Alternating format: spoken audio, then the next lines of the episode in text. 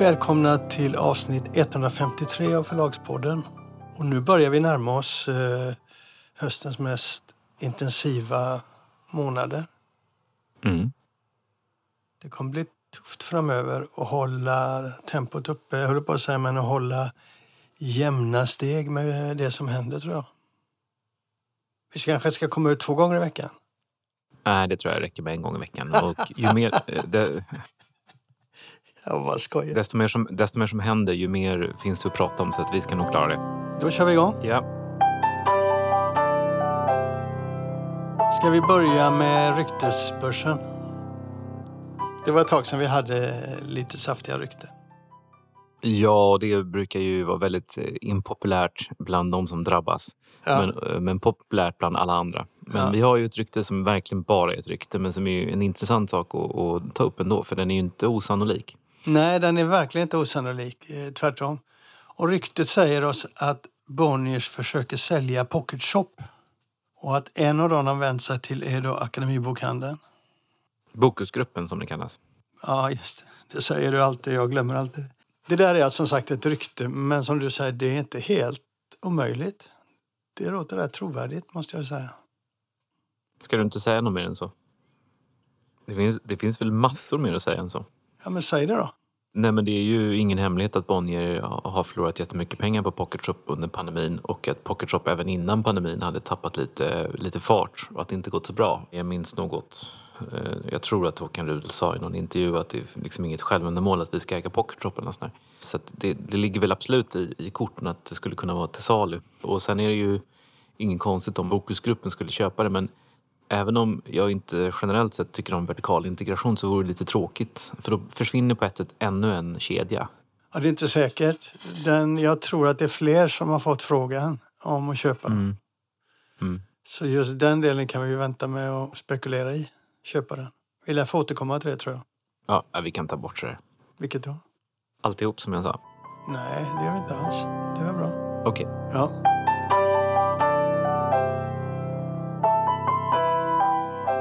Nästa grej vi tänkte upp, också en kort liten grej, det är att eh, Pia Prins, förlagschef på Piratförlaget, lämnar förlaget.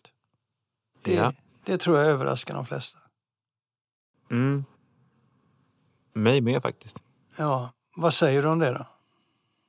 Nej men jag känner ju Pia lite grann och eh, som jag har förstått det så vill ju hon återgå till att vara frilans och hon vill återgå till att eh, jobba med liksom, översättningar som hon började med när hon startade Prins förlag.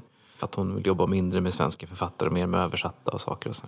Inget mer? Har du, du har ingen, ingen eh, ytterligare information om varför hon lämnar? För det, det låter ju plausibelt, men man frågar sig varför Piratförlaget, som ju har förlorat rätt mycket folk tidigare, förlorar en ny rekrytering som Pia Prins. Det känns lite konstigt, tycker jag.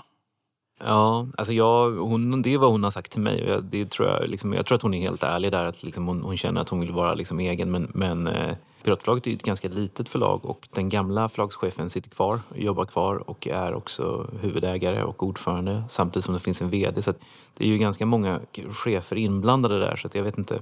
Jag, jag har faktiskt ingen aning. Jag tror att hon, hon drömmer om en lite friare tillvaro. Hon, var ju, hon är ju väldigt intresserad av översatt också. Piratförlaget har ju mest svenska författare. Jo, men det visste hon väl när hon började på Piratförlaget. Ja, ja, jag tror inte man ska lägga in för mycket i det. Sen hade ju Boktugg faktiskt nyheterna Bokbyt har infört en tredje, eller de har lagt om sitt eh, konsumenterbjudande för att komma åt eh, det som eh, dess chef Niklas Sandin berättade i, i den långa intervjun vi hade med honom i våras. Alltså alla de som lyssnar väldigt mycket men betalar väldigt lite. Alltså det är 5 procent av eh, prenumeranterna som kostar ungefär 20 procent av kostnaden. Så för att komma åt det där så var de tvungna att göra något och nu har de då gjort det. De har infört tre klasser. Max 20 timmars lyssning kostar 99 kronor. Max 100 timmars lyssning kostar 149 kronor. Och över 100 timmars lyssning kostar nu 199 kronor. Det såg jag igår på deras hemsida men när jag tittade idag igen så var det borttaget. Så vi får se om de kanske tänker sig ett lite dyrare pris än 199 kronor. Vi får se vad de kommer åt. Men det där, mm. är ju, det där är ju inte så konstigt, eller hur? Det var väntat. Uh, nej, det, nej, det var väl väntat och de har ju tidigare haft en sån här differentierad lista i Tyskland vet jag. Så att det, det var väl absolut väntat. Vad, vad som är intressant med det där är ju att om, om uh, överlyssnandet uh, ser ut så hos Bookbeat så kan man ju dra slutsatsen att det antagligen ser väldigt lika, likadant ut på Storytel och på Nextory. Det vill säga en, det finns en liten grupp som så att säga förstör och spär ut eh, lyssnandet. Så det, det, jag tror att det kan nog vara fler som hänger på det här och gör som Bookbeat. Ja, det kan det vara. Men Bookbeat är ju eh, absolut billigast i sina segment eh, jämfört med konkurrenterna. Både Nextory och Storytel tar ju mer betalt sen tidigare så att det är inte konstigt att de eh, gör en justering. Nej, men då har ju inte Storytel någon begränsning heller utan även om de är lite dyrare så kan du ju lyssna obegränsat.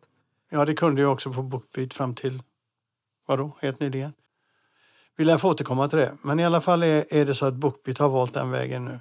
Så vi lär få höra hur, vilka erfarenheter de drar av det där lite längre fram i höst kanske. Mm. Vi ska prata om en annan grej. Om du kan få introducera det där med ljudboksmarknaden. Ja, vi har precis släppt den sjunde delen i Dag Örlunds populära serie om kommissarie eh, Evert Trut. Och det är inte bara Linde Companys mest eh, sålda slash lyssnade bok, bokserie utan det är också en av Sveriges mest populära bokserier. Och den har lästs av Stefan Sauk, alla de tidigare delarna, men den här senaste delen läses av Dag Örlund, alltså författaren själv. Och eh, vi har precis släppt den och för första gången så har det ringt folk hit till förlaget och klagat och vi har fått mejl av folk som har klagat. Och eh, om man läser vad folk skriver i de här grupperna och vad den har fått för betyg så är lyssnarna onådiga och mycket kritiska. Och folk undrar hur förlaget kan vara så dumma så att de byter inläsare mitt i en ljudbokserie och eh, varför vi gör så här och så vidare. Och frågan är nu, ska vi, hur ska det gå och varför har vi gjort så här? Ja, och det tänkte du, det var ju ett retoriskt grepp där så du kan väl svara direkt.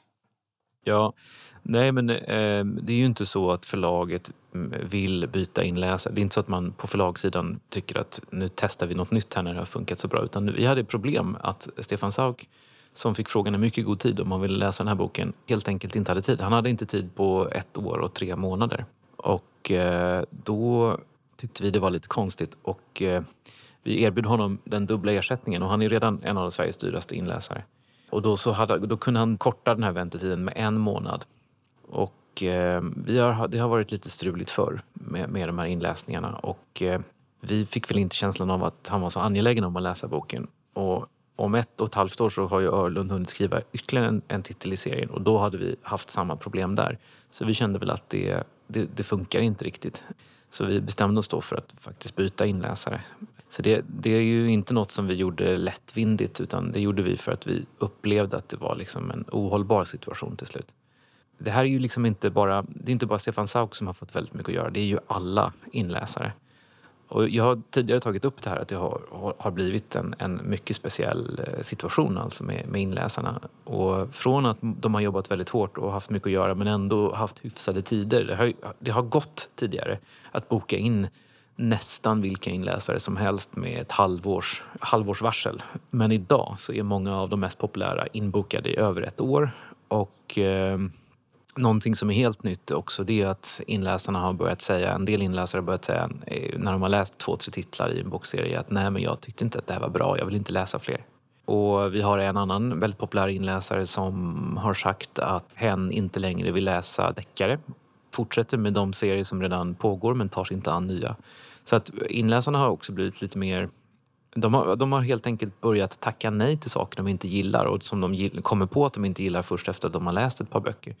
Så det, är, det är mycket svårare för förlagen att, att hålla fast vid alla de inläsarna som tidigare läst böckerna. Så det, det, det kommer bli mer så att man tvingas byta. Mm. Har du hört andra förlag som har haft samma eh, situation? Alla har precis samma situation. Vi upplever dock att ett visst förlag, ett ganska stort förlag, har lagt lite beslag på några av de mest populära inläsarna genom att boka upp dem för liksom flera år framöver. Vi har liksom blivit lite tagna på sängen för det här har gått väldigt snabbt och så. Men eh, Alla förlag har ju det här problemet. Det är helt nytt. Då gäller det att skola in nya uppläsare förstår jag. Eller hur tänker du? Jag tycker nog att Lind Company har varit ganska duktiga på att skola in nya uppläsare.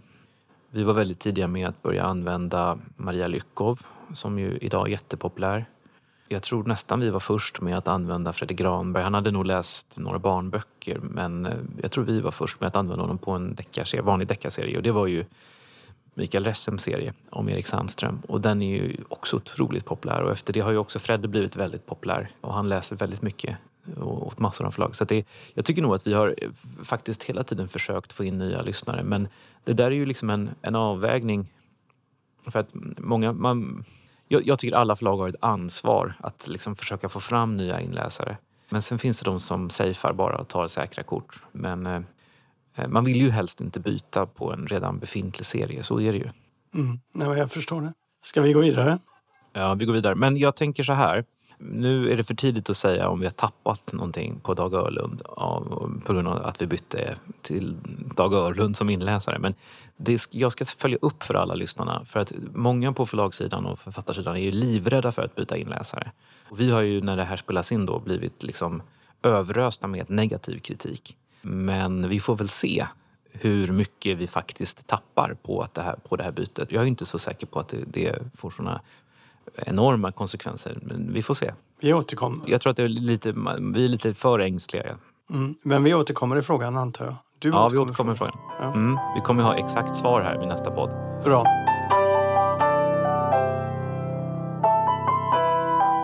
Du, jag ska ta upp en liten grej som jag tror du kommer gilla bara här kort innan vi går in på nästa.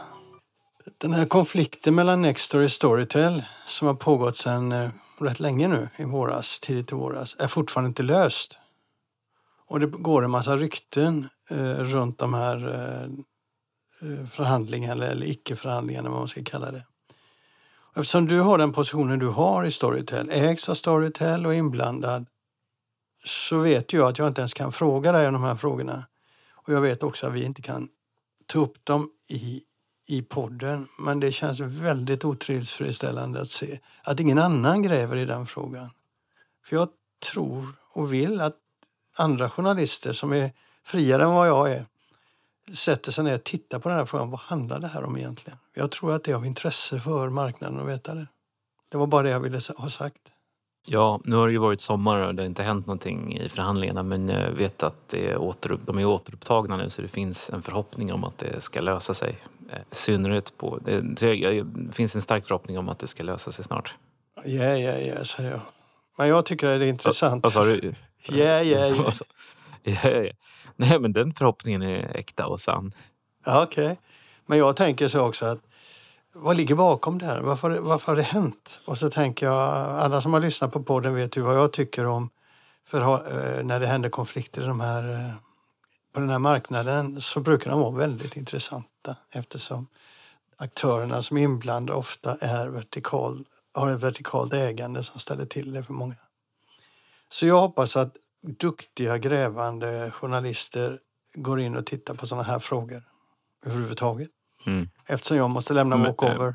Men, eh, jag instämmer, men eh, det är ju inte nytt att det är en väldigt hård konflikt. Det var ju en, eh, en väldigt liknande situation mellan Storytel och Bonnier för några år sedan. Var den jag hänvisade till utan att nämna den. Ja, ja. Så att det, det är inte, det är Storytel för de som inte minns, då, eller det Bonnier för de som inte minns, drog alla sina nyhetstitlar och det är ju vad Storytel har gjort här också. Så att det handlar ju då som nu om ersättningar och villkor. Ja. Men jag skulle vilja se hur resonemangen ser ut, hur de här olika aktörerna ser på marknaden. så. Jag skulle vilja se ett riktigt gräv på, på hela den ljudboksmarknaden. Mm. Eftersom jag lämnar walkover då så vill jag att andra gör det såklart. Kanske något för Uppdrag granskning eller, eller äh, ja, nej jag skojar bara. Jag, tror, jag, tror att det, jag hoppas att det kommer lösa sig innan dess. Ja, ja, ja nu är det sagt i alla fall. En grej som jag tänkte jag skulle bara summera lite grann eftersom det inte har skrivits och sagt så mycket om det i Sverige och det är det här köpet när Penguin Random House i USA, världens eh, största förlagsgrupp, har lagt ett bud på den fjärde eller femte största förlagsgruppen i USA, Simon Schuster. Det gjorde de i 2020 och den amerikanska regeringen gick då in och öppnade ett ärende. De stämde Penguin Random House ägare Bertelsmann i ett ärende som de menar är, handlar om konkurrensutsatt. Att bokbranschen inte är tillräckligt konkurrensutsatt om detta, om detta genomförs, det här köpet. Och de menar då att om Penguin Random House får köpa Simon Schuster så kommer de få en, en marknad på 49 procent på den amerikanska bokmarknaden när det gäller allmän litteratur. Men den som har följt amerikansk politik senare år vet ju att det hos Demokraterna, de som nu sitter i, i regeringsställning, har funnits en stark politisk drivkraft att begränsa de stora monopolliknande aktörerna på marknaden, särskilt inom techbranschen. Att man söker aktivt att begränsa deras makt. Och jag tror att man här ville sätta ett exempel. Man var tvungen att agera eftersom man gått ut teoretiskt så hårt. Mm. Och de hävdar ju här då att ett köp här blir alltså en fråga om eh, minskad konkurrens och att författarnas förskottsnivå kommer att minska. Mot det har eh, Penguin Random House sagt följande och det är då en rättegång som precis slutade förra veckan efter tre veckor. Och där plockades en jädra massa författare, agenter och eh, chefer för de olika förlag in. De lämnade rätt mycket information som vi annars inte får. Ja, verkligen. Som jag tänkte jag skulle bara summera lite grann. Mm, nej, men gör det. Men Penguin Random House hävdar då att eh, regeringen är ute och seglar därför att bokmarknaden är inte som andra marknader. Du kan inte garantera att ett högt, ett högt förskott ger en hög försäljning. Utan det är massa andra exempel. De gav massa andra exempel på vad som egentligen reglerar en marknad. Men i slutändan så är den väldigt, väldigt oförutsägbar. Och det är det som gör att du kan inte bygga monopol här. Det handlar inte om att begränsa de andra förlagens möjligheter att lyckas, menar de då. Då kom bland annat förskotten in och eh, hur, hur de fungerar. Och då var det rätt intressant hur Penguin Random House plockade fram vittnen som berättade att de inte fungerar. En av dem var Jenny Bergström, förläggare på Simon Schuster. Hon berättade till exempel hon berättade om fler exempel. Ibland nämnde hon dem vid namn och ibland så kallas de A eller B och hur mycket de hade fått i förskott och varför. Men till exempel så sa hon då att komikern Amy Schumer hade fått flera miljoner mer i förskott än man trodde boken skulle tjäna in redan från början. Och varför? Jo, därför att man ville ha, hon ville ha Schumer på sin lista. Hon gillade henne. Och det där kom fram rätt ofta, även från andra aktörer. Och vi vet ju, du vet ju det, att ibland så spelar känslor en viss roll i hur mycket man hostar upp och så. Men i alla fall då så visar det sig att man redovisar också var gränserna går förläggare på Penguin Random House, de, de, kan bestämma själva upp till en miljon. Men är, är det, det dollar nu eller är det dollar nu eller kronor? Det är dollar.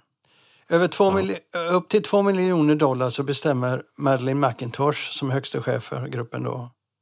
Och över två miljoner dollar krävs Marcus Stoltz godkännande. Han är då absoluta chefen över allihop där. Hans tak ligger på 75 miljoner dollar och de, sen måste han gå till sina tyska ägare, Bertelsmann.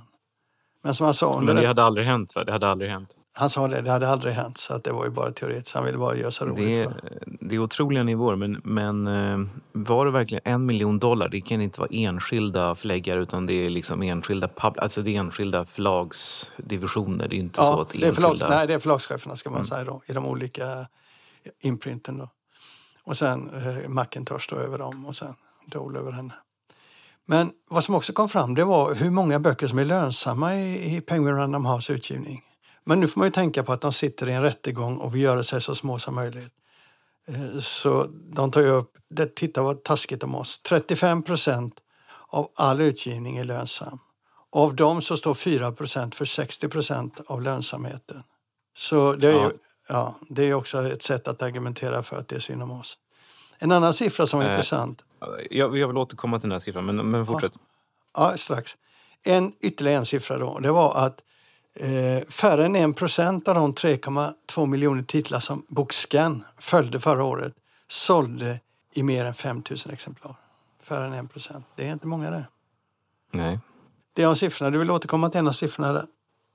Ja, nej, men det var det här 35 procent av utgivningen är olönsam och att 4 procent står för 60 procent av, jag vet inte om det var vinsten eller var intäkten. intäkten det måste vara Av vinsten. lönsamheten, stod för 60 procent. Av lönsamheten, ja. Alltså de siffrorna är ju hårresande och jag tror inte att de ser ut så i Sverige. Jag tror att betydligt mer än 35 procent är lönsamt och, jag, och, det är definitivt inte så att 4 procent står för 60 procent av vinsten. Inte på Lind Company i alla fall.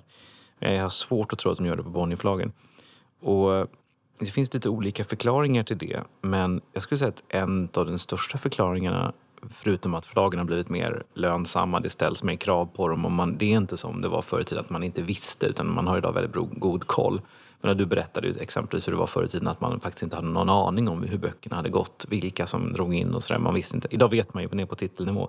Men jag tror att eh, de senaste åren så har en sak som har förändrat det här väldigt mycket, eh, det är ju streamingen. Därför att idag så är backlisten är så pass mycket mer levande och eh, det är så många fler titlar som får komma fram och som når läsarna och lyssnarna. Så att du har inte den här polariseringen och bestsellerismen inte i Sverige. Alltså vi har inte, vi har den här bestsellerismen som var så extrem ett tag där förskotten bara blev högre och högre, upplagorna bara blev högre och högre. Den finns inte längre. Alltså vi har snarare sett liksom att för 20 år sedan kunde upplagor i Sverige, de som sålde allra mest, liksom Läckberg och Guillou och sådär, de kunde ju ligga på 200 000, kanske till och med mer inbundet. Och idag är den siffran ju kanske på 50 000.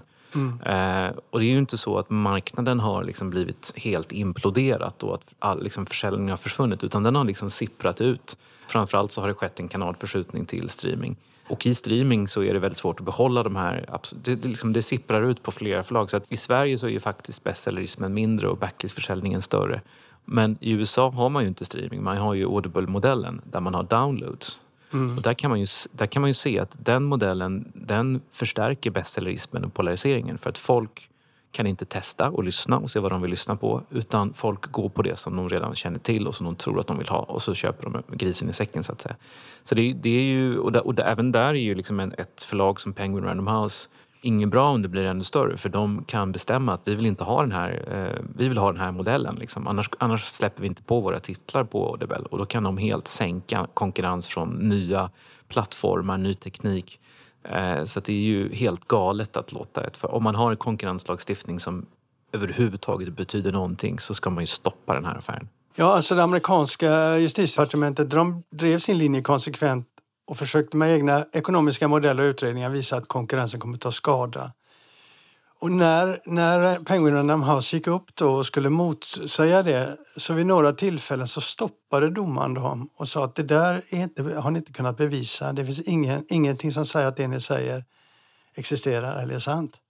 Så att, eh, och domaren gav också en del eh, kommentarer längs eh, vägen så man fattar att hon tittar nog på det här mer ekonomiskt. Alltså Penguin Random House, vad heter det, justitieministern sa i sin slutplädering att Penguin Random House i kraft av sin dominans kommer att kunna styra marknaden och sätta standard för andra aktörer på marknaden.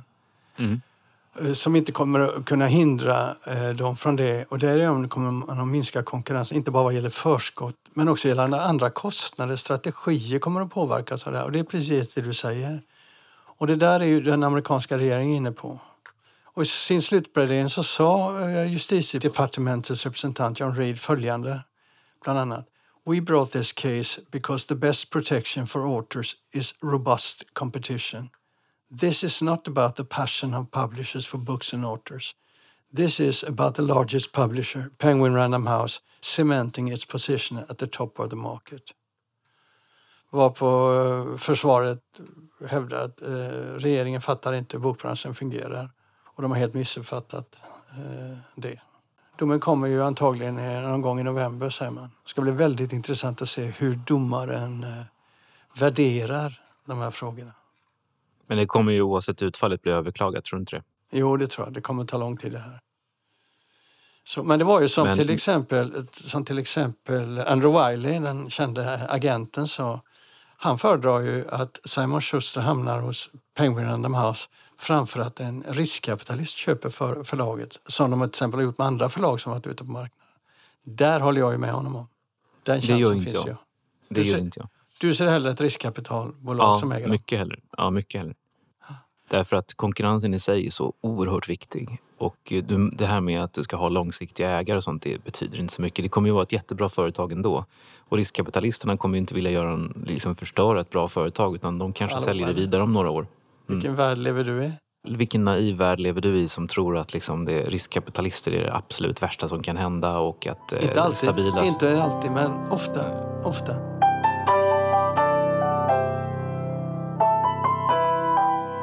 Tackar vi för idag, eller? Mm, ja, det tror jag vi gör. Okej, tack ska ni ha. Vi hörs om en vecka. Det gör vi. Hej då. Hej då.